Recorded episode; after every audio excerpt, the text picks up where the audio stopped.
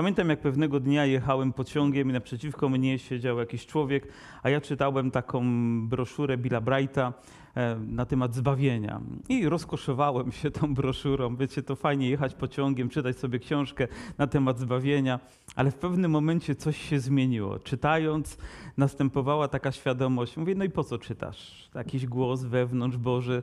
Ja mówię, podziel się tą broszurą z osobą, która jest naprzeciwko ciebie. Ja mówię, o tak, nie, to jest dla mnie. Mówię, ja sobie czytam tę broszurę, ja mam zbawienie. A ten głos był coraz intensywniejszy, intensywniejszy. Wyobraźcie sobie, że gdzieś w pociągu ludzie jadą, wszyscy elegancko ubrani, niektórzy z jakiejś konferencji wracają. Wygląda na to, że taka elita się zebrała w naszym przedziale i nagle taki głos, który nakazuje ci, żeby to zrobić. I wiecie, z takim niemalże bólem emocjonalnym, ponieważ przełamanie go kosztowało wiele, podałem temu człowiekowi broszurę i spytałem, czy chciałby pan ją przeczytać? I wiecie, że zaczął ją czytać i widziałem, jak jego twarz się zmieniała. Po prostu kolory różne występowały, a ja się modliłem, Panie, dotykaj tego człowieka. I kiedy już miałem wysiadać w Sosnowcu, to pamiętam było, on chciał mi otejść tę broszurę. Mówię, nie, ona jest dla Pana i on z radością ją zachował. Naprawdę wierzę, że Bóg używa takich historii po to, żebyśmy mogli podzielić się dalej dobrą nowiną i z pewnością spotkacie kogoś, komu będziecie mogli po prostu dać zwykłe zaproszenie, ale kiedy tutaj przyjdzie i wysłucha świadectw i Bożego Słowa, to ta chwila stanie się niezwykła w jego życiu. Tak jak i my wszyscy dostaniemy teraz porcję niezwykłości, gdy będziemy słuchać Bożego Słowa. Kiedy Pan Jezus mówił kazanie na górze, to musiało być to jedyne, najważniejsze, najcudowniejsze kazanie, jakie wielu z nich wysłuchało w całym swoim życiu. Wcześniej ani później, być może niektórzy z nich nie spotkali już Jezusa tak osobiście, nie słuchali takiego kazania. Powiem, każdy kaznodzieja, który występuje, aby próbować przywołać te słowa, to czuje się trochę tak, jakby miał śpiewać po Whitney Houston. Wiecie, jak ona śpiewała, jaki miała głos, gdy była w szczytowej formie. A więc próbuje przywoływać te słowa w nadzieją, że to Duch Święty uczyni je żywymi w naszym sercu, że sprawi, że ta melodia tego głosu Bożego na nowo będzie rozbrzmiewać i na nowo skutecznie będzie działać, bo taki był cel tego przesłania. Tak, wielu, tak wiele rzeczy Pan Jezus tam poruszał. Poruszał modlitwę, aleluja, to ważny temat. Poruszał też taką cichość naszego serca, skruszoność naszego ducha i sprawę małżeństwa czy rozwodu i wszystkie te rzeczy. I dochodzimy do kolejnego zagadnienia, które ma taki tytuł post. I myślę, że wszyscy to słowo słyszeliśmy, ale dla nie wszystkich z nas może oznaczać ono to samo. W zasadzie jest to krótki fragment, który nie odpowiada na wszystkie potrzeby. Na przykład nie mówi nam, co to znaczy post, że w jaki sposób my mamy postrzegać. Niektórzy ludzie w naszym narodzie post postrzegają jako powstrzymywanie się od jakiejś tam rzeczy. Na przykład o nie będę jadł słodyczy, bo poszczę. Albo nie będę jadł mięsa, bo poszczę, prawda? Więc rozumieją, że w ten sposób się wyrzekają jakiejś części swojego pożywienia albo od czegoś poszczą. Można pościć od telewizji, można pościć od, od wielu rzeczy można pościć. Ale Pan Jezus, gdy mówi o poście, to myślę, że musielibyśmy wrócić do Starego Testamentu, choćby do Księgi Estery, gdzie mamy mowę o poście jako o wstrzymywaniu się i od posiłku, i od picia. To jest pełny obraz, doskonały obraz postu. I tam trzy dni ludzie pościli czekając na Boże wybawienie, bo wiecie, że wyrok był postanowiony. Kto by wtedy nie pościł? Pomyślcie sobie, jak nie, to gdzieś tam gilotyna była dla nich przygotowana, wyrok był wydany, postanowiony, pieniądze zapłacone dla oprawców, ale oni pościli, oni wołali do Boga, a Bóg zlitował się nad tym narodem. Czyli post ma znaczenie. Post jest ważny w naszym życiu. Moglibyśmy przywołać Pana Jezusa, który 40 dni pościł, a później stoczył wielką walkę i wiemy, że zwyciężył. Aleluja!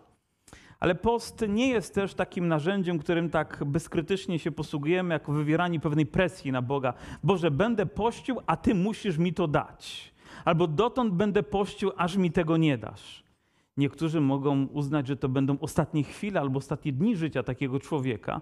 Nie jest to wywieranie presji, ale Pan Jezus tutaj nie wyjaśnia wszystkiego. Ja również chyba nie odważę się wszystkiego wyjaśnić, mówię, ale gdy pościcie, nie bądźcie smętni jak obłudnicy. To słowo obłudnicy nie po raz pierwszy pojawia się, więc ludzie, którzy co innego myślą, albo co innego mówią, albo co innego robią, albo są takimi hipokrytami, którzy przyjmują pewną maskę pobożności, ale wewnątrz nie ma to odzwierciedlenia w ich wnętrzu. Szpecą bowiem twarze swoje, by ludziom pokazać, że poszczą. Zaprawdę powiadam wam, odbierają zapłatę swoją. I znowu to słowo się pojawia, kontynuując poprzednie myśli, że ci ludzie, dlatego że zwracają uwagę na siebie, pozbawiają się czegoś, co Bóg może im dać, gdy gdy chce im dać, gdy przyjdzie w swojej wielkiej chwale. I obyśmy nigdy nie brali tych zaliczek i nie odbierali sobie tego, co rzeczywiście Bóg swojej łaskawości da nam, gdy się z Nim spotkamy. A więc oni twarze odpowiednio sobie tam morusali,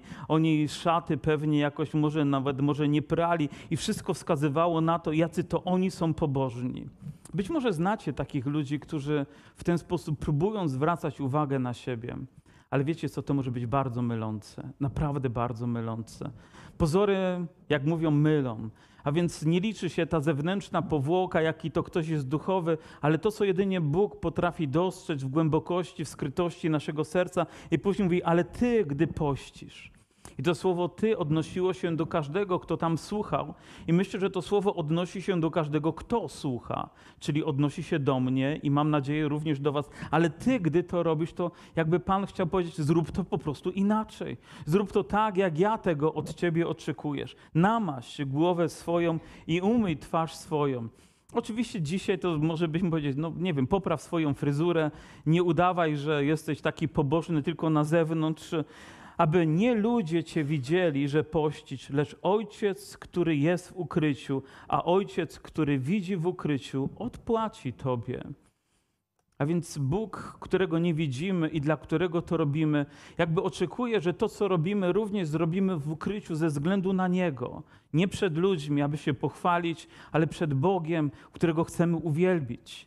Myślę, że post ma też zadanie, ponieważ powstrzymywanie się od posiłku ma tą zdolność, że pozbawia jakby siłę naszego ciała, czy nasze ciało traci pewną zdolność siły, żeby dominować nad naszym duchem, a więc więcej uwagi skupiamy wtedy na tym, co duchowe, niż na tym, co cielesne. To pewnie powinien być czas, kiedy nie chodzimy na zakupy, albo nie idziemy na jakąś imprezę towarzyską. Może po prostu koncentrujemy się całkowicie, całkowicie na Bogu. Izajasz, gdy mówi o poście, i chyba to jest też również dobry fragment, tam niemal cała definicja występuje, on mówi, w tym czasie wołaj na całe gardło. Naprawdę jakby post miał być krzykiem naszego ducha, naszej duszy, w którym próbujemy powiedzieć Bogu, jak bardzo, jak bardzo nam na Nim zależy i jak chcemy, żeby On wysłuchał naszej modlitwy. Mówi, czego też nie robić, mówi, mówi, mówi gdy pościcie, to załatwiacie swoje sprawy, kłócicie się, spieracie, uderzacie pięścią i wiele innych złych rzeczy w tym czasie. Ludzie, którzy poszczą. Ludzie, którzy jakby próbują się przybliżyć do Boga, a wszystko, co robią, temu przeczy. Kiedyś pamiętam, jak e, Luis Palau opowiadał, jak próbował jako młody człowiek przybliżać się do Boga. Całą noc spędzał na modlitwie. Tak bardzo chciał gdzieś zbliżyć się.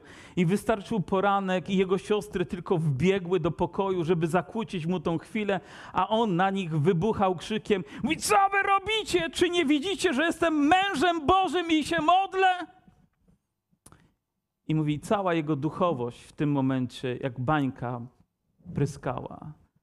Myślę, że w poście chodzi o coś więcej. Może większym wyrazem tego jest to, co robimy. On mówi, ale ty, ale to jest post, w którym mam upodobanie, że, że się rozwiązuje bezprawne więzy, że się zrywa powrozy jarzma, wypuszcza na wolność uciśnionych, łamie wszelkie jarzmo, że podzielisz swój chleb z głodnym i biednym, bezdomnym przyjmie, i biednych, bezdomnych przyjmiesz do domu, gdy zobaczysz nagiego, przyodziejesz go, a od swojego współbrata się nie odwrócisz. Pan mówi, to jest post. To jest post, który sprawia, że nasze życie się zmienia w stosunku do innych ludzi. Że coś, czego sami może nie osiągnęlibyśmy, dzięki temu, że staramy się przyjść do Boga, zwracając na Niego uwagę, Pan dodaje nam sił. Mówi: Chwała Pańska będzie Twoją tylnią strażą, potem będziesz wołał, a Pan Cię wysłucha. Co za niezwykłe obietnice. Jeżeli chcecie, to przeczytajcie sobie sami ten 58 rozdział Izajasza i raz, i kolejny raz, i kolejny raz. Jeżeli ktoś jeszcze z Was nie pościł, to zachęcam, zróbcie to. Za pierwszym razem prawdopodobnie nie będzie to dla Was wcale takie łatwe ani proste, bo będzie się wiązało z tym, że będziecie walczyć z głodem, z tym, żeby nie jeść, bo organizm będzie się domagał. Ale za drugim razem może już będzie łatwiej, za trzecim razem będzie łatwiej, a kiedy postanowicie kilka dni pościć, to może któryś z tych dni będzie przełomowym w waszym życiu i będziecie mogli się modlić. Nie chcę powiedzieć, że jestem w tej sprawie jakimś ekspertem, bo nie jestem. Powiem, najdłuższy poz, jaki miałem, to 10 dni i rzeczywiście było to bardzo wyczerpujące też dla mnie, kiedy przez te dni, po 10 dniach prawie, że metabolizm się zmienił. Po, trzecim dniu o mało nie umarłem, bo wstałem w zawroty głowy, prawie że się przewróciłem, ale przemogłem to, bo taka jest walka, którą się toczy. Ale później był czas, kiedy rzeczywiście klarowność moich myśli była taka jak nigdy. Potrzeba czytania i zgłębiania Bożego Słowa tak naturalnie by przychodziła. Modlitwa jakby sama wypływała ze mnie. Sam byłem zaskakiwany tym, ile osiągałem w tym czasie. Więc jeżeli potrzebujesz, to zrób to, doświadcz. Ale nie dlatego, żeby pokazać innym, bo ja teraz poszczę, tylko dlatego, że robisz to przed Bogiem, robisz to dla Niego, a zobaczysz, że to, co On uczyni w Twoim życiu, będzie zapłatą tak godną, że nie będziesz potrzebował żadnej innej. I później Pan mówi o zupełnie innej, wydaje się, rzeczy, ale związane z naszym życiem. Mówi, nie, nie gromadźcie sobie skarbów na ziemi, gdzie je mól i rdza niszczą i gdzie złodzieje podkopują i kradną, ale gromadźcie sobie skarby w niebie, gdzie ani mól, ani rdza nie niszczą i gdzie złodzieje nie podkopują i nie kradną. Albowiem gdzie jest skarb Twój, tam będzie i serce Twoje. Chyba wszyscy znamy te słowa, one gdzieś pojawiają się nawet w kulturze, albowiem gdzie jest skarb Twój, tam będzie i serce Twoje. I ludzie być może odnoszą do to innych rzeczy, ale Pan Jezus odnosi to do nieba. Odnosi to do tego miejsca naszej najlepszej inwestycji w życiu. Wyobraźcie sobie, że pewnego dnia budzicie się. Powiem, i nie ma banków, nie ma pieniędzy, po prostu wszystko, elektronika cała umarła, albo wartość pieniądza po prostu zszedł do zera, jest tylko kwestią makulatury. Złoto nie ma żadnego znaczenia, wszystkie Twoje tytuły, które zdobyłeś, nie mają znaczenia. I mam pytanie, kim jesteś?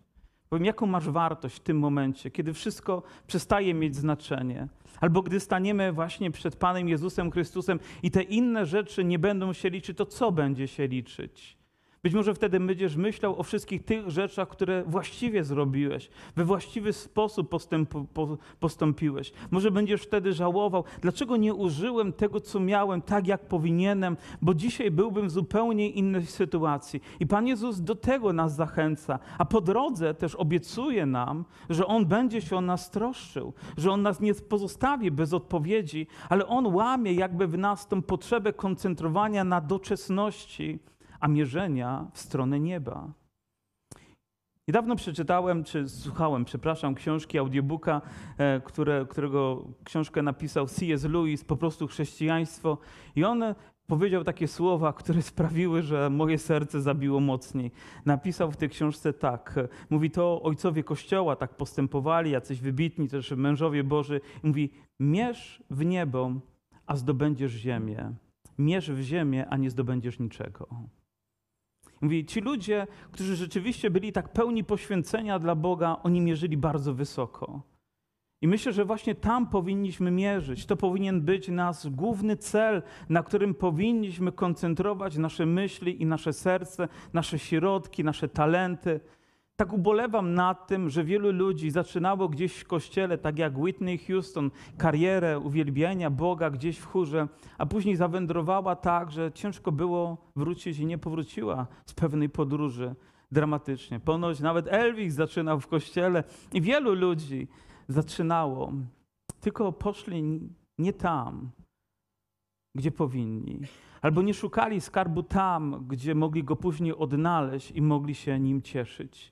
I myślę sobie, że to takie niezwykłe dla nas, kiedy możemy mierzyć w to, co jest najważniejsze, co jest priorytetem dla nas, ludzi wierzących. Mówi, nie gromadźcie sobie, bo mól, bo rdza, bo czas, Pamiętacie, jak Bóg przemówił do proroka: idź kup sobie pas lniany. On kupił sobie ten pas, założył na siebie, a później Pan mówił: a idź teraz nad rzekę Eufrat i złóż go gdzieś w rozpadlinie skalnej. I on to również zrobił, a po wielu dniach mówi: idź i wyciągnij go. I gdy wyciągnął, to co, co wcześniej było chlubą, było niczym, bo czas i, i warunki atmosferyczne, które tam były, wilgoć sprawiło, że to wszystko się rozpadło, było bez, nie, bez znaczenia.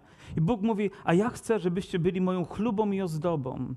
Mówi, a ten pas jakby ma symbolizować to, że wy odeszliście ode mnie, zatraciliście się, pewnie byśmy powiedzieli, w tym świecie, pogubiliście się, a ja chciałem, żebyście byli chlubą i ozdobą dla mego imienia. Proszę, pamiętajcie o tym, że mamy mierzyć wysoko, a to sprawi, że tutaj również będziemy osiągać to, czego potrzebujemy, bo kto z nas nie potrzebuje również tutaj być docenionym, czasami pochwalonym. Jesteśmy tylko ludźmi, ale to nie jest naszym głównym priorytetem. Potrzebujemy potrzebujemy środków do życia, ale to nie jest naszym głównym celem. Jest to jedynie jakimś środkiem, który się posługujemy na chwilę, ale prawdziwy nasz skarb, to co rzeczywiście powinno pociągać nasze serce, jest w ojczyźnie, do której zmierzamy. Tam celujemy. I dlatego tutaj po drodze możemy tak wiele rzeczy zmienić ku dobremu, ku Bożej chwale możemy zmienić tak, że Pan z tego będzie miał chwałę. Mówi, albowiem gdzie jest skarb Twój? I być może należy sobie zadać pytanie, to Panie, to gdzie jest to, co jest dla mnie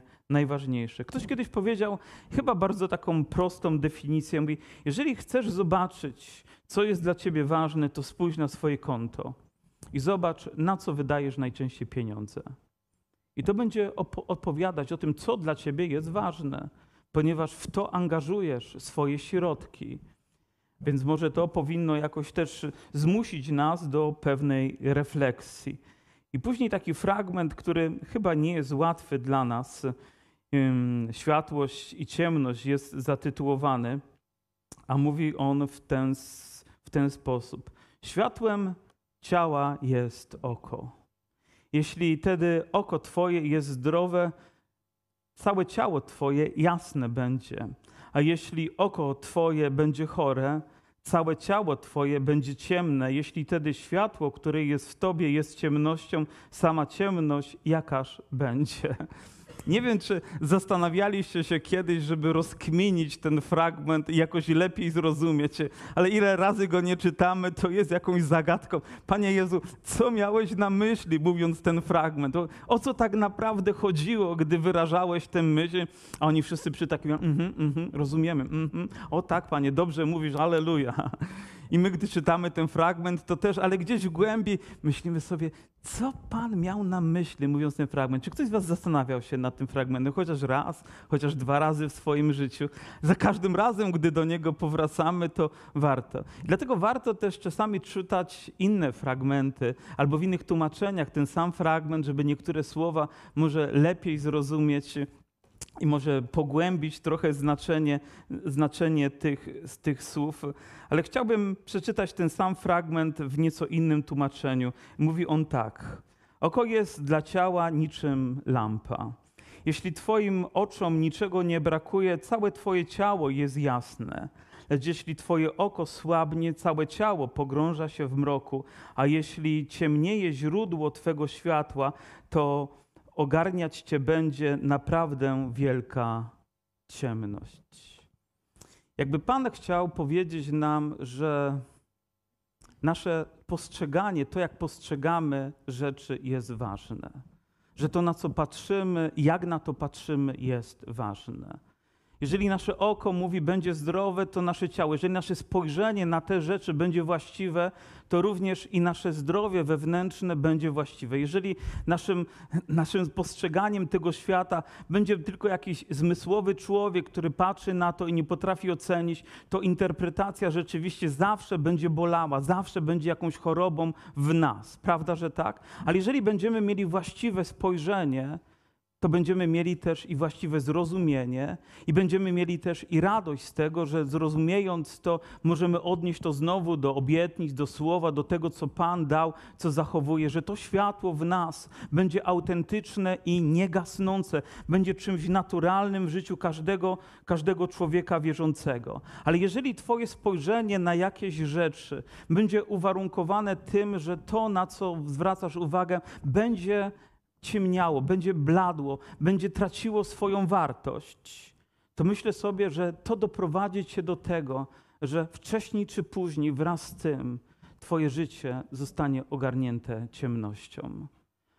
Patrzysz na coś, co wydaje się, że ma wartość, ale to zaczyna słabnąć, to zaczyna nie świecić tak, jak należy, a poprzez to Twoje serce, Twój blask wewnętrzny również zaczyna gasnąć. To, co na chwilę zapłonęło, zaczyna gasnąć i to wypełnia. Więc ważne jest to, żebyśmy patrząc na rzeczy, wiedzieli, że postrzegamy je tak, jak Bóg chce, żebyśmy potrafili je zobaczyć. Dlatego pewnie mówi, że ludzie mają oczy, a nie widzą, mają uszy, ale nie słyszą mają, wydaje się, pewne zmysły, ale nie wszystko rozumieją. Ale dzięki Bogu, dzięki temu, że On otwiera nasze oczy, że On wpuszcza to właściwe światło do naszego serca, to nie będziemy chodzić w ciemności. To mrok nas nie ogarnie, ciemność nas nie zwycięży, ale to, że On jest razem z nami, to, że daje nam poznanie, będzie sprawiało, że nie będziemy gasnąć wraz z tym światem. Możemy mieć właściwe spojrzenie. Napisałem sobie tak: jeżeli to, w co jesteś wpatrzony, traci swój blask, to nie pozostaje ci nic, jak tylko pogrążenie się w ciemności. Jeżeli patrzysz na to, a to gaśnie, to również wraz z tym Twoje życie. Jeżeli jakaś wartość, którą masz w swoim życiu, staje się tak ważna, ale ona z biegiem czasu dewaluuje się, to również i takie będzie Twoje życie. Ale każdy, kto spojrzał na Jezusa, każdy, kto w Niego wierzył, każdy, kto pozwolił, żeby Jego światło wypełniło, to nigdy, to nigdy nie utraci swojej wartości. To zawsze będzie miało wieczną moc, to zawsze będzie miało wieczną chwałę i nigdy nie będziemy musieli myśleć, że nasze serce jest teraz teraz w jakichś tarapatach i nie potrafimy sobie z tym poradzić, ponieważ zainwestowaliśmy nasze życie w czymś niezwykłym. W czymś, czymś zwykłym, takim, którego nie warto było pewnie przywoływać w naszym życiu. Myślę sobie, jak ważne jest to, na czym koncentrujemy nasze serce i nasze życie, ponieważ to jest tak niezwykłe w Bożych oczach i to ma ogromne znaczenie dla każdego z nas. I dalej kontynuując, Pan mówi: Nie troszcie się, nikt nie może dwóm panom służyć gdy albo jednego nienawidzieć będzie, a drugiego miłować, albo jednego, jednego trzymać się będzie, a drugim pogardzi. Nie możecie Bogu służyć i mamonie. Dlatego powiadam wam, nie troszcie się o życie swoje, co będziecie jedli, albo co będziecie pili, ani o ciało swoje, czym się przyodziewać będziecie. Czyż życie nie jest czymś więcej niż pokarm, a ciało niż odzienie? I później mówi, spójrzcie na ptaki, które nie muszą pracować, nie muszą ola, orać, siać, zbierać, a jednak Bóg troszczy się o nie. Spójrzcie nawet na lilie, jakie są niezwykłe, ale Bóg to sprawił poprzez swoje stworzenie, poprzez swoją chwałę. Jakbyśmy z tego potrafili wyciągnąć lekcję, że Bóg ma moc zatroszczyć się o nasze potrzeby. Ale odkrywamy też tą niezwykłą prawdę, że człowiek nie może dwóm panom służyć. Pieniądze mamona tego świata zawsze będzie próbowało owładnąć nasz umysł. Dopóki tutaj żyjemy, ta walka będzie trwać. Jest to tak niezwykłe, że po prostu pokolenia się zmieniają, czasy się zmieniają, ale problemy są dokładnie, dokładnie te same. Najwięcej kłótni gdzieś w małżeństwach to o pieniądze, spory o pieniądze, w zakładach pracy o pieniądze, bo ten zarobił więcej, ten mniej, w kościele o no o inne rzeczy, prawda? Nie o pieniądze. Nie możesz dwóm panom służyć. Musisz wybrać, któremu panu chcesz służyć, któremu chcesz poświęcić życie. Ale to nie jest tak, że jest to tylko intelektualna myśl. To musi być również wyrażone Twoim życiem. Musisz pokazać wobec całego świata, że rozprawiasz się z mamoną. Kiedyś pewien pastor powiedział, Robert Morris się nazywa, z takiego dużego zboru Gateway w Stanach, powiedział w ten sposób, że mamona obiecuje ci to, co może dać ci tylko Bóg.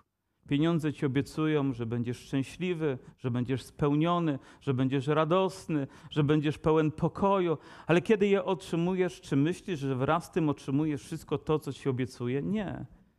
One mogą jeszcze bardziej cię zatrwożyć, bo będziesz się bał, że je stracisz. Będziesz bał się, w co zainwestować w obecnych czasach, bo wszystko na rynku przecież traci swoją wartość, a wraz z tym twoje ukochane pieniądze zaczynają topnieć w swojej wartości na twoim koncie. Nie śpisz, rozmyślasz o tym, wywraca ci się żołądek do góry nogami, nie wiesz, co, co począć. I czasami to powoduje, że nawet ludzie bardzo bogaci są bardzo, bardzo nieszczęśliwi. Kiedyś słyszałem historię o człowieku, który posiadał miliony, naprawdę ogromne pieniądze. I wyobraźcie sobie, że spadł grad i jakaś część jego pieniędzy zniknęła, bo szklarnie jakiś jeden z jego biznesów zniknął. I nie wytrzymał tego emocjonalnie i postanowił zakończyć swoje życie. Wydaje się to tak nieracjonalne. Gdy pozostaje mu tyle, że wszyscy moglibyśmy przez to żyć do końca życia, on nie potrafi sobie z tym poradzić. Dlaczego? Bo wybrał zwego Pana który jak widać miał bardzo wiernego sługę. Musimy uważać, musimy się z tym rozprawić, bardzo świadomie się rozprawić i czasami bardzo praktycznie się rozprawić. I dlatego Biblia mówi o ofiarności. I nie mówię tutaj, że teraz będziemy zbierać kolektę, ale mówię o tym, jeżeli nie jesteś w stanie poświęcić tej części Bogu, która należy się Jemu, to wciąż nie rozprawiłeś się z tą rzeczą w swoim życiu. Ja, ja powiem Wam, jak to jest w moim życiu. Po prostu ja oddaję Bogu 10%. Nie dlatego, że mam taki nakaz starotestamentowy, jestem do tego zmuszony. Nie dlatego, że wyciągnąłem jakąś specjalną naukę i próbuję nią faszerować ludzi, ale jest to dla mnie świadomy krok, gdzie za każdym razem, nawet sam przed sobą mówię, nie, nigdy pieniądze nie będą najważniejsze w moim życiu. A więc jeżeli się pojawiają, ja wiem, co z nimi zrobić. Za każdym razem jest to takie krzyżowanie też jakiegoś mojego zapędu wewnątrz, żeby one próbowały zdominować. Po prostu robię to w wierności. Jeżeli nie jesteś w stanie tego zrobić, możesz mnie teraz oskarżyć albo zastanowić się nad sobą. Powiem, czy nie jest również tak, że i ty masz z tym problem? Bóg ma moc zatroszczyć się o nas. On po prostu chce, abyśmy dali mu do tego okazję. Powiadam wam, nawet Salomon w całej chwale swojej nie był tak przyodziany jak jedna z nich. Jeśli więc Bóg tak przyodziewa polną trawę, yy, która dziś jest, a jutro będzie w piec wrzucona, czyż nie o wiele więcej was, o małowierni, nie troszcie się więc i nie mówcie, co będziemy jeść, albo co będziemy pić, albo czym się będziemy przyodziewać bo tego wszystkiego poganie szukają, albowiem Ojciec Wasz Niebieski wie, że tego wszystkiego potrzebujecie. I tutaj następuje chyba najbardziej znany fragment z Ewangelii Mateusza, który cytowany jest na szkółce niedzielnej, ale on tak często jest oddzielany od całego tego fragmentu, ale szukajcie najpierw Królestwa Bożego. Widzicie, cały ten fragment mówi o zaufaniu Bogu w kwestii jakiej? Finansowej, prawda? Kwestii tego, że powinniśmy mu ufać, że on się o nas zatroszczy, gdy my troszczymy się o jego dzieło. Mówi, ale szukajcie najpierw. A więc mówimy najpierw to, no, będziemy się najpierw modlić, dobrze robimy. Najpierw będziemy czytać Biblię, dobrze robimy, ale ten fragment akurat odnosi się do tego, żebyśmy najpierw dali ufność Bogu w tym, że On zatroszczy się po prostu o nas. A więc ten przedrostek naj jest jakby najwyższą formą, która wskazuje na to, co najważniejsze po tym, a później pierw, jako pierwsze, coś, co stawiamy jako główną rzecz w naszym życiu, najpierw o Królestwo Boże. I myślę, że to o nic innego nie chodzi, jak musimy mierzyć w niebo. A wtedy posiądziemy ziemię. Bo jeżeli będziemy mierzyć w ziemię, to okazuje się, że pewnego dnia będziemy po prostu bankrutami bo przyjdzie ten dzień, kiedy wszystkie te rzeczy przestaną mieć znaczenie. Kiedy Bóg obiecuje nam, że będziemy chodzić po złotych ulicach, to myślicie, że, że to złoto, które mamy, będzie miało jakieś znaczenie? Jeżeli Bóg obiecuje nam, że będzie miał dla nas pokarm, którego nam nigdy nie zabraknie, to będzie miało znaczenie, ile tutaj zgromadzimy w magazynach naszego, na, na, naszego życia. Nie, nie. To będzie miało znaczenie, gdy całkowicie będziemy po prostu mogli zaufać Bogu. Wiecie, tak wielu ludzi, nawet wierzących, myślę, że potrzebuje uwolnienia. Po prostu uwolnienia w swoim sercu. Może zacznij o to pościć. Post jest dobrą formą, modlitwa jest dobrą formą. Może, może to będzie przełamaniem Twojego życia. Najbardziej nie porusza mnie to, że ktoś wpłaca największą kolektę. Najbardziej porusza mnie to, gdy ktoś, mając niewiele, wpłaca wszystko. Tak jak Pana Jezusa, albo pozostaje mu bardzo niewiele, oddając tak wiele, by Bóg był uwielbiony.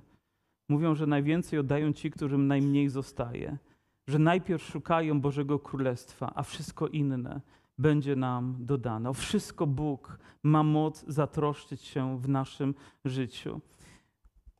Post i modlitwa z pewnością i zaufanie przybliżają nas do tego. Kiedyś do pewnego człowieka przyszła kobieta, która mówi: Pastorze, mam problem. Mówi: Mam demona otyłości. Może słyszeliście to. Pastor popatrzył na nią i mówi: Wiem, co zrobić. Ten rodzaj nie wychodzi inaczej jak przez poz modlitwę. Wiecie, niektóre rzeczy zmieniają się tylko wtedy, gdy po prostu zaufamy Bogu. Gdy powierzymy te sprawy całkowicie Bogu, złożymy przed Jego tronem, powiem, Panie, to wszystko należy do Ciebie. A Bóg swojej łaskawości zwraca nam na przykład 90%. Albo czy chodziło Bogu o to, żeby młodzieńca pozbawić całych jego dóbr materialnych, czy po prostu był to egzamin jego serca, sprawdzian, czy Tobie tak naprawdę zależy na mnie? Czy naprawdę wierzysz, że jestem dobry i że zatroszczę się o Ciebie? Bo on powiedział nauczycielu dobry, a przecież jeżeli Bóg jest dobry, to zatroszczy się o nas. Ale czy jestem gotowy złożyć to i powiedzieć, Panie, to należy do Ciebie? Czy jestem gotowy złożyć u stóp mojego Pana małżeństwo nie w znaczeniu, że chcę się z niego wyplątać, tylko w znaczeniu, żeby On się o nie zatroszczył, żeby to On mnie poprowadził w swojej mocy? Czy jestem mu w stanie postawić wszystkie moje zasługi, jakie mam, albo karierę, jaką robię, albo dary, jakie mam, aby On je wziął i najpierw, żeby to zostało użyte dla Bożej chwały. Panie, jak najpierw mogę Tobie służyć? Tak wielu ludzi może służyć Bogu najpierw, nawet tam, gdzie są. Może to być pielęgniarka, może to być lekarz, może to być salowa, może to być pani sprzątaczka, może to być szeregowy pracownik, a może to być dyrektor, ale najpierw zawsze może być Bożym dzieckiem, który będzie wyrażał to, że w Bogu wszystko jest najważniejsze. Widzę, że niektórych z Was uśpiłem, ale zaraz obudzę. Taka pogoda. A może po prostu tak daleko czasami jest nasze serce od Boga, że, że Boże Słowo nie ma dla nas aż takiego znaczenia.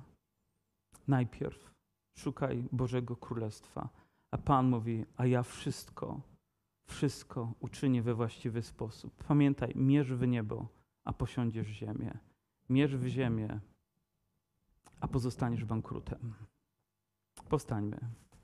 Będziemy się modlić. Tylko Bóg zna nasze serca i zna nasze myśli, zna nasze pragnienia. I znałem wielu zacnych, pobożnych, wierzących ludzi, którzy mieli wielki problem zaufaniu Bogu w swoich środkach, zaufaniu Bogu, by powierzyć Mu swoje życie, by On je dalej poprowadził. I nie czepiam się tutaj absolutnie pieniędzy. Mówię, kolekty dzisiaj nie będziemy zbierać, od nikogo nie będziemy wyciągać żadnych pieniędzy. Jestem daleki od tego, żeby przekroczyć jakąkolwiek granicę, ale Bogu tak bardzo zależy na sercu człowieka. Nie możesz dwóm panom służyć. Nie możesz żyć życiem pokoju i ciągle się otroszczyć. Tak, Pan zna Twoje serce, moja siostro. Ciągle się o wszystko troszczysz. O wszystko się obawiasz. O zdrowie, o życie, o przyszłość. Dlaczego nie przyjdziesz i powiesz, Boże, najpierw chcę porozmawiać na ten temat z Tobą. Najpierw chcę przyjść z tym do Ciebie. Najpierw chcę, żebyś Ty zdobył moje serce i poprowadził mnie dalej. Pan ma moc to uczynić próbujesz walczyć z jakimś problemem swojego życia, ale nie wygrasz. Najpierw potrzebujesz Boga, który sprawi, że ten problem zostanie przezwyciężony. On ma moc, aby to uczynić. Pochylmy nasze głowy. Pochylmy nasze głowy. Może ktoś z Was po dzisiejszym dniu powie: Dobra, spróbuję pościć.